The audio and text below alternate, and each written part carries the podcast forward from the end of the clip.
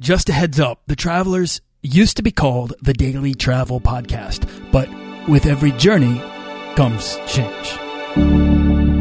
This podcast is produced by Holocene, a community of creative travelers. If you want to get serious about planning that next trip, writing that book, starting that creative project, or launching that business, we're breaking down the barriers between where you are where you want to be together at joinholocene.com. That's join, H O L O C E N E.com.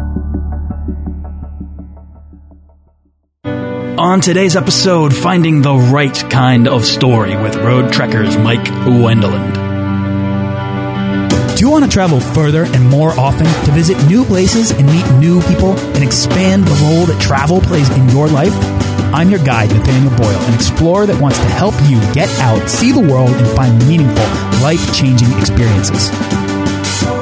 Everyone wants to be adventurous and have great stories, to do the stuff of legend. This is the Daily Travel Podcast.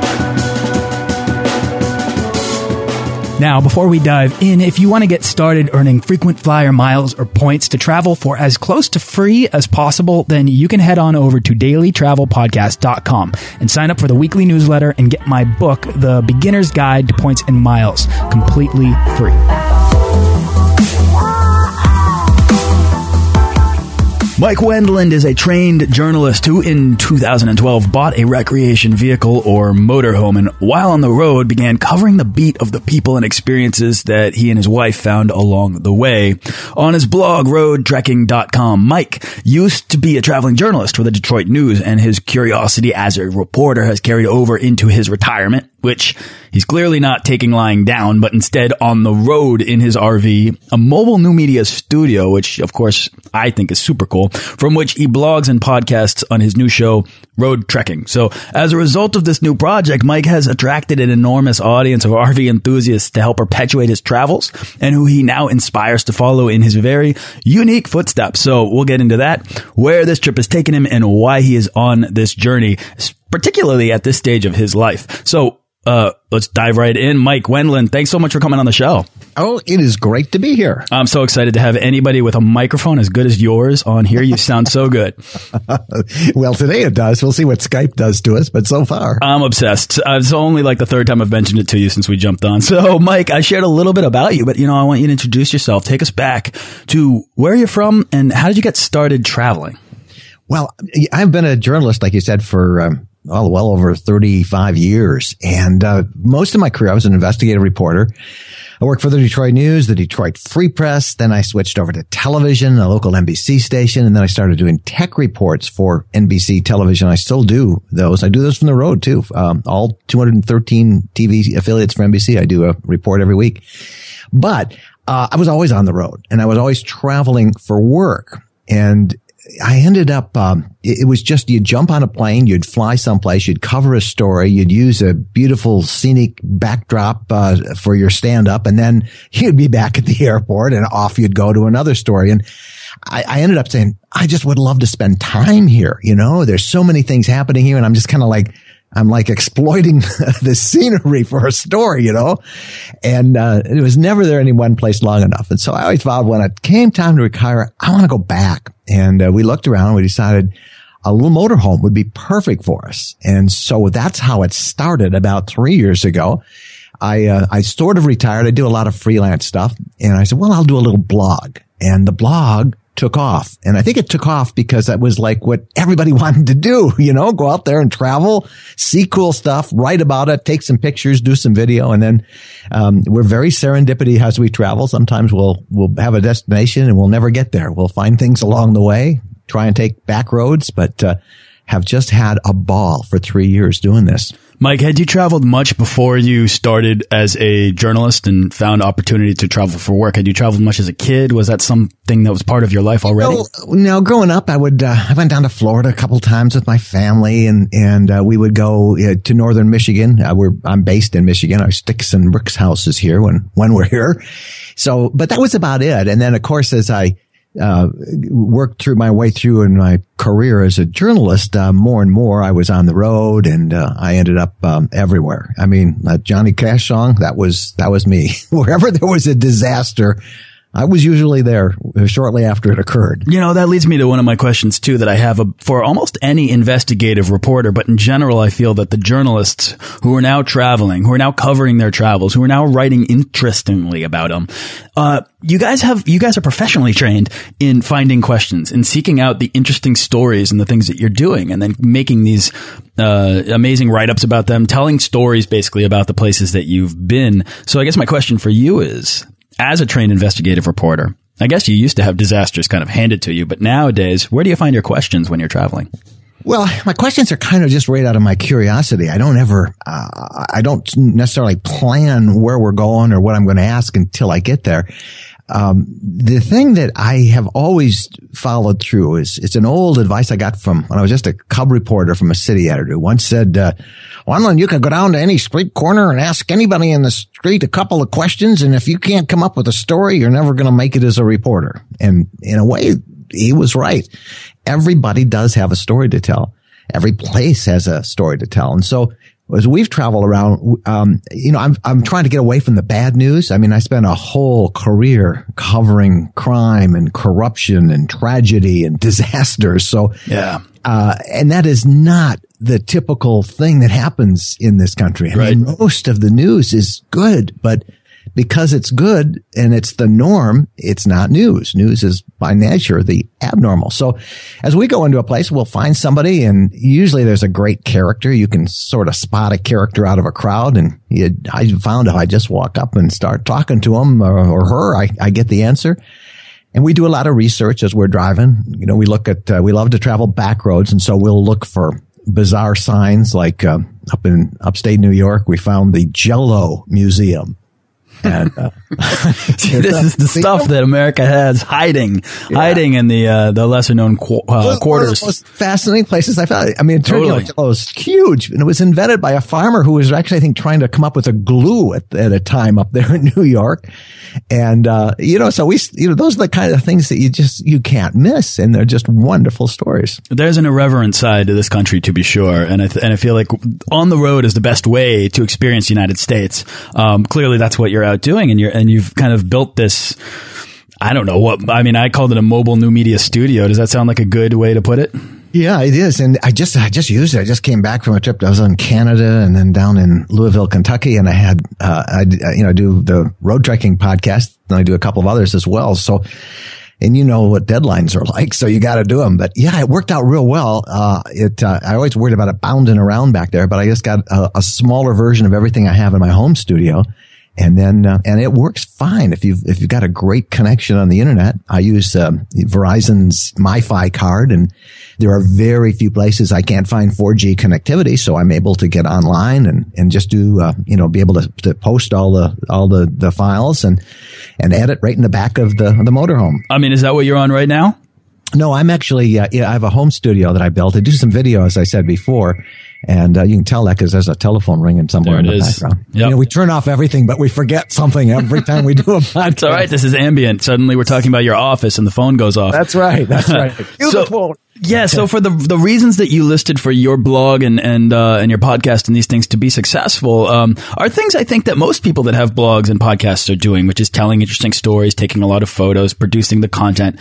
Um, but I'm wondering, like, did do you think that yours hit an underserved market, which is the um, recreational vehicle market, that sort of motorhome community of people that are out there dreaming to do exactly what it is that you're doing? Well, there are, are a number of really nice, great blogs that are out there about recreation vehicles, about camping.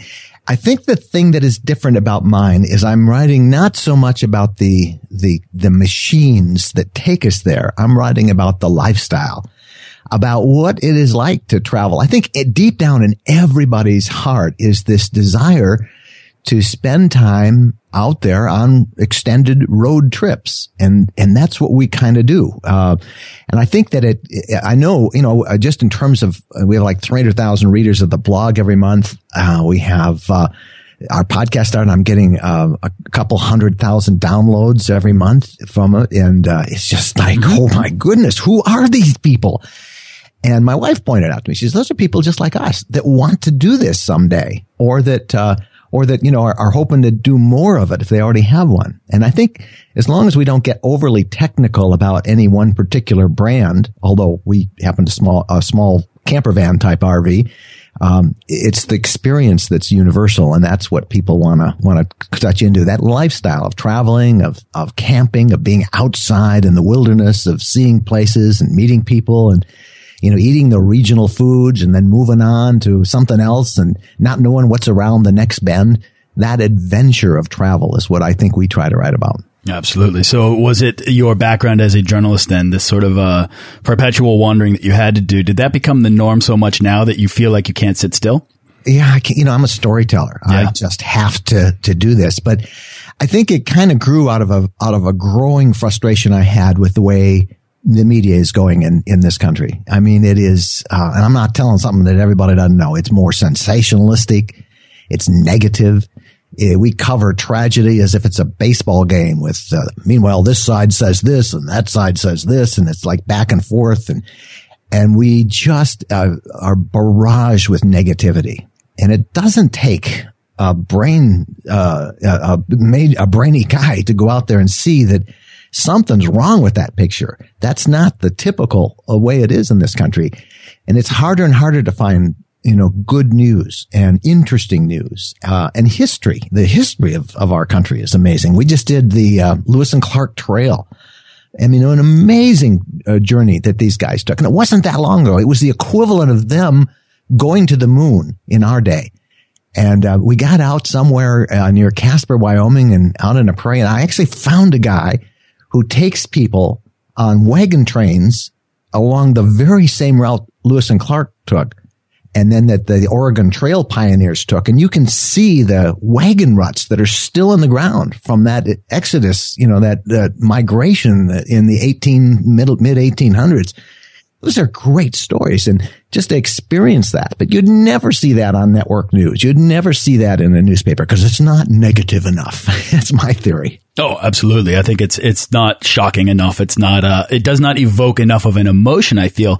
Um except perhaps if you're there, except perhaps if you're in person and you're looking at the thing that you're looking at, and then it evokes perhaps the most desirable of emotions, which is awe, I think. And awe is such awe and wonder are the things that I relate to travel as the things that give us that childlike sense of of the world because we're perceiving new things again for the first time. And uh that to me exercises your imagination and sets you up to return home more informed, more creatively minded, more uh, ready to tackle the things that uh, exist in your day to day routine. Um, and Mike, I can hear you talking about this like this one little thing. I mean, it's just a little thing that you saw, but it had this massive impact on you in such a positive way that you want to share that with other people. And then we've gotten into we've we've just fallen in love with our national park system in uh, in America. It's just an amazing system from Yellowstone to um, our current favorite now, which is Glacier National Park up along the Canadian border in, in northern Montana. Just spectacular mountains and true wilderness. You know where we almost got ran over by a couple of a, a mama bear and her cub, and you know that was one of those experiences that I'm taking photos of this thing 20 feet away, and oh my, my wife was tapping me on the shoulder saying uh, you better back up a little. You're right, you know, but uh, yeah. air was cool. I was cool. I got a great picture hanging up behind me, but just to be able to experience that and to see the beauty of this country instead of the, the cubicles that so many of us spend our days in, it, it's, it's so restorative to a, to your soul to be out there and breathe that clean air and see those mountains. Oh, absolutely. And now that's not something that you need an RV, obviously, to access. You just need to step outside of the comfort of your own confines, wherever they are. Uh, Mike, as a, uh, I should, I feel like I should point out in case there are anybody, anybody else that's listening that is your age, but as a retiree, I'm assuming you're getting into all these national parks for free, right? Oh man, the best deal in the world. Isn't that amazing? Your pass. Absolutely the best deal in the world. It's, uh, yeah, it's, I think you spend 10 bucks and then you get a free pass, the golden age pass. And it's one of the few things about getting older. And, and I can't, I guess I'm not really retired. I, I have to say now, I've been telling everybody I am, but I've, I've added up my work. I'm probably working 45, 50 hours a week. That was on my list of questions to ask you. I mean, I, have said it a couple times, but it's not. It's, but I think you're probably, you're like any other storyteller. I think it's, that becomes a part of who you are. And these explorations of the world become a necessary component, necessary ingredient to life. And if you're not sharing those stories, then you're not fully living.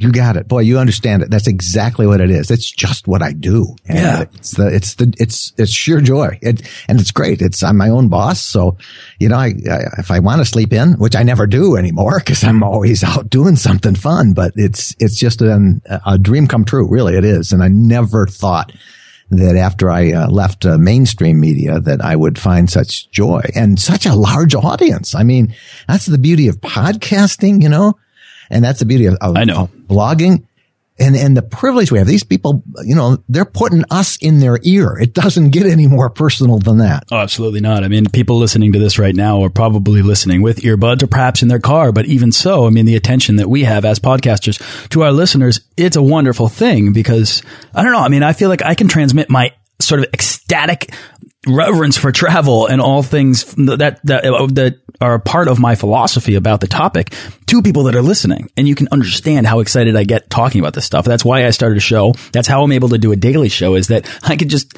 sit down and talk travel at any time. And it's not, it's not challenging. I get amped up about it. Yeah. Yeah. And it, this isn't the coffee talk. Mike, um, I got to ask then. So then your mission, it sounds like almost, at least your personal mission, whether or not this has anything to do with your business or your blog or, or, or whatnot, is to almost cover the, the story of America and to redeem its heart through its people. I mean, it sounds like you want to, uh, it's almost as, it's like you're trying to maybe undo the things that you've done as a reporter working, traveling around the world, covering disasters. I mean, do you feel like you're paying a penance here? Cause I'm, I'm hearing you, I'm hearing you criticize the media, but that's the world you come from. Yeah, that is a really, really good question. And I think you're right. I think there is some degree of me that says, you know what, now that I am not beholding to a news editor or uh, a news director, I'm going to go tell what it really is like out there. I'm going to go to Missouri where nobody goes, or I'm going to sit in the middle of uh, the sandhills of uh, northwestern Nebraska and tell you about the city that's the popcorn capital of the world, you know? and fascinating place. Met a guy there. I, I mean, I go on and on this. I said, I'm at the, the popcorn king. I mean, I said, so, you know, Yeah. how many, how often do you grow popcorn? You know, what, you know, your season? He says, well, you mean here or in my other fields? He has, he grows popcorn in every different country in every different climate of the year. So he's a full, a crop every year. This guy produces more popcorn than anybody in the world and the history of popcorn. I learned all that stuff from the Native Americans. and it's just, you know, this country is filled with places like that. We did a lavender farm, met some folks and learned about the healing powers of lavender at a, at a farm up in uh, Oregon. Uh, these are the stories that, you know, people want to know about this stuff. They care about this stuff. It's, it's more accurate about what's really happening in the country than the stuff you see on the evening news and the stuff that you rightly point out that I used to be a part of. And I am probably Right. paying penance saying, here's how it really is now.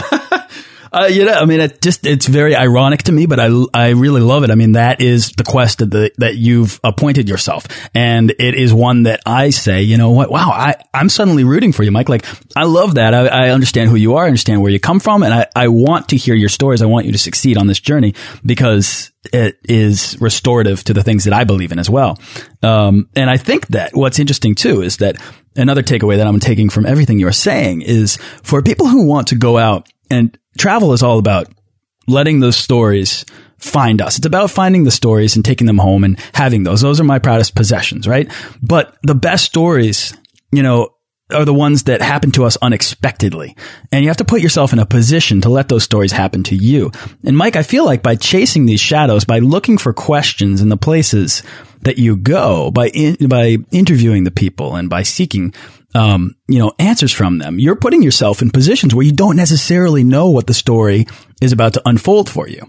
having a clue. You know, that's, that's part of the adventure of it. You know, just don't know where it's going to be or where it's going to take you. And it's always uh, uh, being willing to say, well, I don't have to be somewhere tonight. I'm going to stay here or let's turn right instead of left and let's get off the interstate and let's just stop where we see the, the first non-chain restaurant and go sit down and eat and you find everything and you know those kind of places. That's where you, you really understand the local people and you know, so we make a vow we don't do any fast food. We we try and Nice. eat uh, in in small towns rather than large. Best And, rule. uh, you know, the internet is so great because uh, we can we can research in areas we're driving through it, and you know, hey, you know, there's a Jello museum 20 miles down the road. Turn the corner, we're going. you know, and that's that's kind of fun being able to travel that way. I think that's a great rule. I mean, that's one that I've set for myself when I've done I've done I've driven across the country twice, and uh, both times, eh, pretty much as a general rule, whenever I'm road tripping, I just say no no chain restaurants, nothing I've already heard of or know what to expect, because not only do you does that sort of force you to eat local, but it actually forces you to get off the beaten path. You might drive for eight hours in one day and get to a town and there's a, you know, a subway right there. And you're like, okay, I just need some food and then I'm going to go to sleep. But if you make that a rule that subway's off limits or whatever is off limits, that then even when you're exhausted, you force yourself to go in and find those experiences. And more often than not, the simple art of wandering, the simple art of getting lost, uh, has yielded not only some of the best meals, but the most interesting interactions with the people who prepare them, serve them, serve me, etc. I love to get into a place and I say to, um, you know, whether it's the, the waitress or whether it's the guy at the grocery store or, or the, I, and I'm a big believer going in a barber shop. Man, those guys know everything. Oh, wow. those kind of barber shops throughout this country. And I say, Hey, when you have friends in town or you, you what do you show people? What, what should people see? What, do, what are you, what are you most proud of here in this town? And they'll tell you they're delighted that somebody even bothers to ask. And, and usually whatever they suggest is well worth taking a look at. That's a great tip. Bar, yeah, barbershops. I've always felt bar bartenders are like oh, wonderful, oh, bartenders great. Yeah, if you can, if as long as they're not surly. Sometimes they're surly, but if you go in the afternoon, they're not bad. Great, great call. Avoid yeah. the surly bartenders at all costs. Um, so yeah, I mean, I think that this show, Mike, in general, has become this sort of exploration of travel through its people at the crossroads of creativity and curiosity, right? And it's like the places you go have this, maybe this effect on you. And then you begin to tell the stories. You begin to create this thing. Maybe you go and you are inspired by a product that's produced by, um, you know, like a, like a clothing item or something. And then you start making that clothing item back home because it resonated with you so strongly. Um, what, what is it about the RV lifestyle in general that has really hit home with you that has caused you to not just tell all of these individual stories, but really encapsulate them on your blog as a way to, to demonstrate that this amazing, really fun lifestyle is out there? Well, I think for us, it's the ability to go anywhere. And, and we purposely chose, uh, it's called a class B or a type B motorhome. It's, it's like a, the old camper vans, uh, all of the technology is so incredible. I mean, I have solar power now. I have uh, lithium battery power. I can literally camp with full electron electricity constantly off off the grid for three, four, five, six days in a row.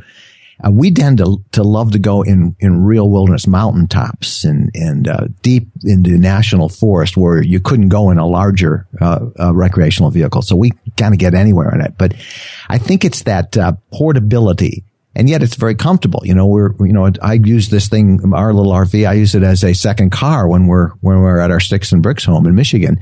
And so it's, it's that ability to uh, have a full office in the thing they have a refrigerator, a bathroom, a king size bed, all that stuff. And, uh, and, and it's like the nation is unfolding like a movie outside that, uh, that dashboard and outside that windshield. It's just, I love driving. I never get tired of driving.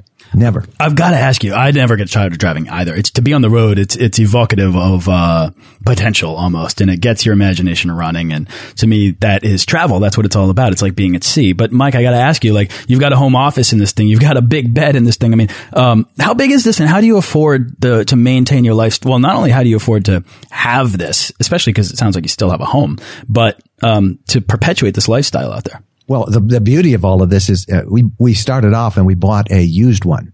And, uh, and that's, and then we just traded that up after about eight months, actually. The, the, they hold their value well. And then we got another one. And actually, I'm picking up another one in, in just, uh, just before, uh, in the next week or so. I'm going to get uh, our third one, but we trade up, you know, and uh, we'd saved a lot. We've saved, you know, knowing that we wanted to do something when I when I didn't have to go into a you know, a, a, newspaper or a television station job. Yep. So that was kind of it. And our house is paid for. I'm at least I'm at the age now where you don't have to worry about house payments. Our kids are grown and, uh, this is just an economical way to travel. It's a diesel. So I get like 22 miles a gallon on this thing. Oh, wow. Yeah, it's great. So, great. It, you know, but it, you know, it is costly. So you have to watch it. You have to be very careful about uh, where you spend. But since we can make our own, carry our own food, there's a seven cubic foot refrigerator in this thing. We can carry our own food. We can grill out. That's half the fun of it is cooking outside. I have a shirt I printed up that says, uh, small house, but big yard. That's kind of the way we live in this thing. Love that. Mike, I got to ask then, I mean, you're out there and you're doing this and um, you, you know, you don't have home payments, but you, and, but you're making, you know, you're making money off your website and you're, you've got kind of more, maybe you're doing more work now than you ever have before. Do you wish that you had attempted this sooner?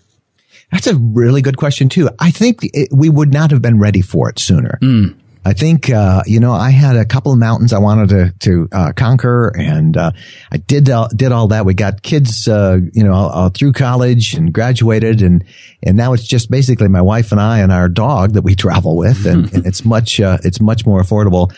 And I think I probably appreciate it more now than I would if I had done this, say, even 10 years ago. All right. So then take us along the journey with you. I mean, where has this over the past two years, where have you been? Where, where, where have you been? And, um, were there any like highlights, those places that, you know, were maybe on your list from day one that you finally got to? I think, you know, the first place that we, we decided we wanted to go and we, we looked forward to it for, for years as we were planning this all out was Yellowstone National Park, the very first national park. And we have gone there now um, twice a year. we just, every time we're out west, we make a journey up through Yellowstone to the Grand Tetons. And then this year we uh, discovered Glacier National Park. We fall in love with that. So national parks, we like all of them. Uh, it's wherever you are seems to be my favorite place, but uh, you cannot beat the state of Colorado. We tend to do a big circle tour of Colorado up and down those incredible Rocky Mountains from, you know, the border with New Mexico and Arizona up to uh, the uh, the Wyoming border, and I love that. Uh, we did um, an interesting tour this year. Uh, I did a Great Lakes shoreline tour where we drove the U.S. side of the Great Lakes, of all five Great Lakes, the every inch of shoreline. We drove it and stopped again, no plan. We just wrote about the area, the history of the lakes, the region.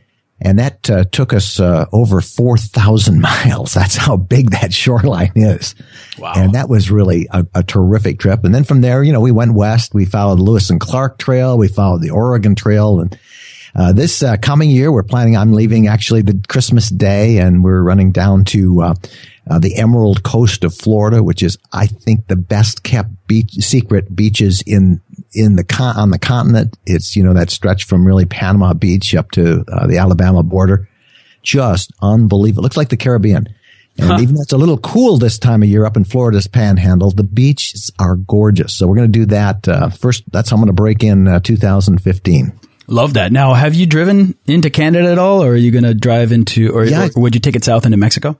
Uh, I, I, don't think I would ever go south into Mexico. I spent too much time in Mexico as an investigative reporter, and I would not go there. Uh, I had a lot of bad experiences there, and now, granted, the kind of stories I was doing were not exactly touristy stories, but uh, we've been all over Canada. Uh, we want to really do a, a, lot more in Canada.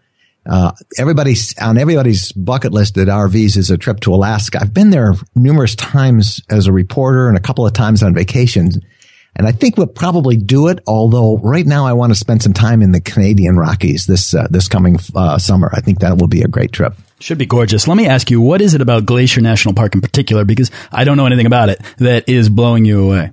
It's true wilderness status. It really is wilderness, and it's also very dramatic. It's the most dramatic of the national parks I've seen with these with these beautiful mountains.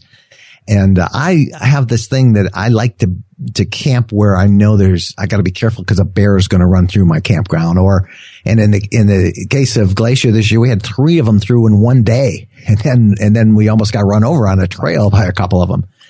Uh, I've I've found uh, wildlife photography has really uh, been something I've spent a lot of time on this past year, and so Glacier is great because it has such a diverse wildlife population. And if you're if you're smart enough and patient enough, you can probably get a number of different species. Uh, uh, wolves in, in Yellowstone are another thing that has uh, has captivated my heart. If you've never heard wolves howl at night, um, it's a thrill that will bring you back and again and again and again. Mm, uh, I can imagine. I've heard coyotes, and it has been sleeping out in, in Santa Fe, and it uh, it can it can keep you up, but it, it's really, there's this like sort of, I don't know, real primal thing about it. Yeah, that's exactly. I love it, Mike. Uh, there, you know, we gotta, we gotta wrap up here. This is, I mean, clearly I can hear in your voice the, the, the enthusiasm I think that we both share for this sense of being out on the road, this sense of exploration that we have. Is there anything else that you'd like to add to the conversation before we wrap up? Well, you know, somebody told me, you asked a little while ago, you know, should I have done it earlier? And yeah. I think we did it at just the right time. And even then we were wondering, well, do we really want to? And here's an illustration that convinced me that this was the time. Um, and, and, and I know that there are probably people listening to, to your podcast here that, that are saying, well, someday I'll do that. Well, here's the thing about someday. Take a tape measure, you know, just, uh, or take a yardstick even, you know, uh, a yardstick uh, I think a tape measure is better because you can actually do it. So let's just say you take a tape measure, stretch it out. How many years do you think you're going to live? And you know, most people, by the time you're in your mid to late 80s, if you're otherwise your health is good, it's a little hard to travel. So let's just, for arbitrary sake, put 85, put one foot on 85, 85 inches on this tape measure. And then on your other foot, put it on your current age and look at that distance. That's how much time you have left. And, uh, you know, do you want to waste another couple of years waiting? Do you really have that much more time? So, you know, if uh, uh now's the time, you know, when you can do it, do it because uh, you don't know what's around the corner. And in my case, you know, when you stretch down all those years represented by inches on a yardstick and you look at that distance between how old you are now and how old you'll be when it's too late to travel, it's not that long. It's not that far. And every year that you wait is a year that, uh, that, uh, makes it uh, less and less certain that you're going to be able to do it. This so is that's my advice. Yeah, this is your one chance to experience everything that this world has to offer for you, hiding and waiting for you to find it. Sir, you know, I think you should just seek the opportunities that are available to you now uh, that might not be tomorrow, whether that's because you're going to be getting older or because the world might be changing. Um, that's right. And I think that that right there creates that sense of urgency that's necessary to get you to take that first step to becoming a world traveler or a road trekker. Uh, Mike Wendland, so cool. Um, wh what's exciting you the most right now, man? Where's your next trip or what's your next project? Well, I think uh, you know this trip to Florida will be fun. I'm going to do a lot of uh, with, with this new RV, so I got to take all new photographs. How's that for an excuse? I got to go to Florida to take some pictures of my new RV, but uh, I'll take some photographs of it. And uh, we always, um, uh, I'm going to do uh, New Orleans along the Gulf Coast or uh, Mardi Gras along the, the Gulf Coast this year.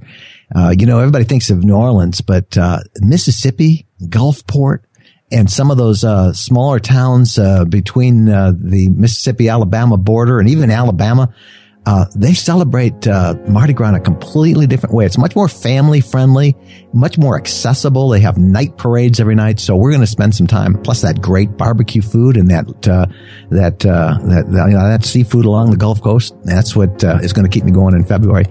And in um, but just before we go there, we're going to be up in Michigan's Upper Peninsula. I'm going to do a winter camp out uh, there's, I've just put it up on the blog and I think there's a dozen people from all over the country that are coming up to camp in what will be about three feet of snow in, uh, huh. Falls, a real wilderness part of northern Michigan. So, uh, so that Gulf Coast will sound pretty good after uh, after that winter campout. I love it, Mike. Uh, where can people go to find out more about you? And please, please tell us uh, about your podcast, which is what only a couple months old, right? Yeah, uh, roadtreking.com, and it's R O A D T R E K I N G.com.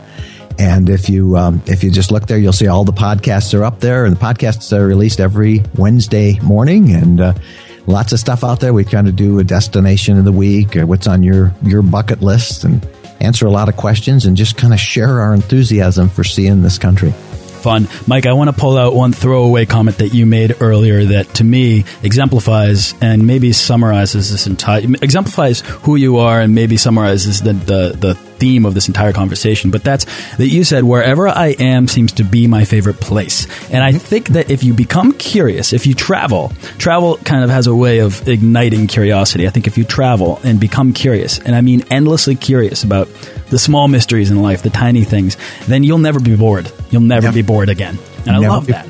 Oh, that's a great. Thank you. Thank you, Mike. Thanks so much for coming on the show. Oh, it was a pleasure. Bye bye. Thanks for listening to this episode of the Daily Travel Podcast. For show notes and links to everything in this episode and more, head on over to dailytravelpodcast.com. Join our Facebook page of explorers and subscribe to our newsletter for the best deals and resources to help make your next trip life changing.